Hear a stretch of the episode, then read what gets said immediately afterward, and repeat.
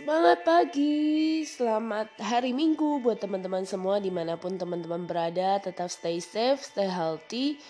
Uh, maaf sedikit suaranya berbeda dan ini udah beberapa hari ya udah pemulihan bersyukur ya mungkin karena dari musim cuaca juga tidak bagus dan terima kasih untuk teman-teman yang semuanya udah uh, ucapin buat stay safe, semangat juga buat soon. Thank you.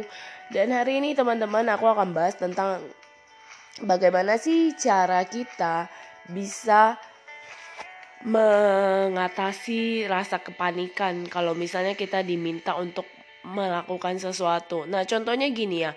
Kadang misalnya kita sebagai seorang MC atau moderator, ini mungkin di luar skenario kita gitu. Ini pribadi saya belajar gitu ya.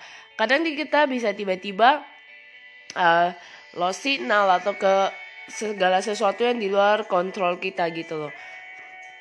Ataupun misalnya kita sebagai MC standby gitu ya tiba-tiba MC yang utama manggil kita yang tanpa ada skrip atau di luar dari skenario gitu. Nah teman-teman yang perlu dilakukan adalah tidak panik. Pastinya tidak panik karena kalau kita panik udah kelihatan gitu oh, ini orang nggak persiapan nih orang kayak takut khawatir gitu. Dan yang keduanya juga adalah uh, just be yourself. Jadi lah diri sendiri lakukan saja gitu yang kita tahu. Namun bukan berarti asal-asal perform ya teman-teman. Tapi lakukan yang terbaik yang juga berhubungan dengan uh, skenario dengan jalannya acara gitu. Dan yang ketiga adalah pastinya tetap tampilkan yang terbaik karena mau ada persiapan atau tidak selalu lakukan yang terbaik kita tidak tidak tahu apa yang akan terjadi. Kadang yang kita harapkan uh, belum tentu semuanya terjadi dengan maksimal.